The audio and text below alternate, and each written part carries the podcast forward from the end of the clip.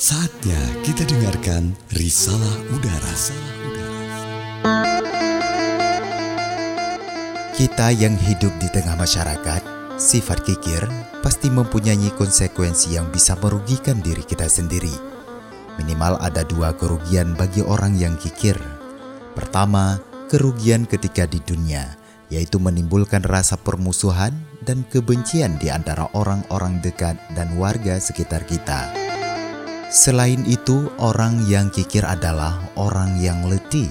Ia mengerahkan seluruh kemampuannya untuk menimbun kekayaan, namun ia tidak menikmati hartanya karena ahli warisnya lah yang akan menikmatinya.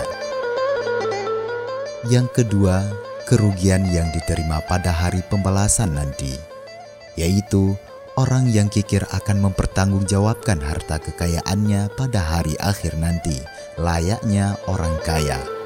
Padahal seperti yang telah disebutkan bahwa ia hidup di dunia layaknya orang miskin yang terus-menerus mengejar harta namun ia tidak menikmatinya. Kikir jelas merupakan sifat yang nyata-nyata dikecam oleh Allah Subhanahu wa taala dalam firman-Nya dalam surah Muhammad ayat ke-38 yang artinya Ingatlah, kalian adalah orang-orang yang diminta untuk menafkahkan sebahagian harta kalian di jalan Allah.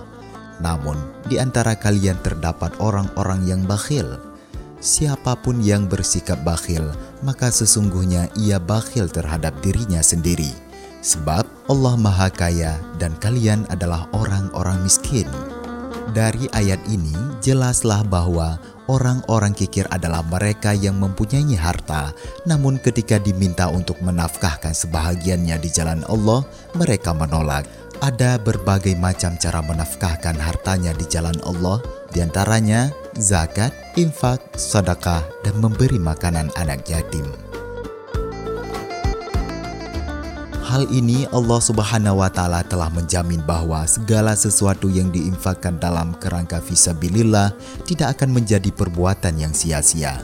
Sebagaimana disampaikan dalam surat Saba ayat ke-39 yang artinya apa pun yang kalian infakkan maka Allah akan menggantikannya. Dialah sebaik-baik pemberi rezeki.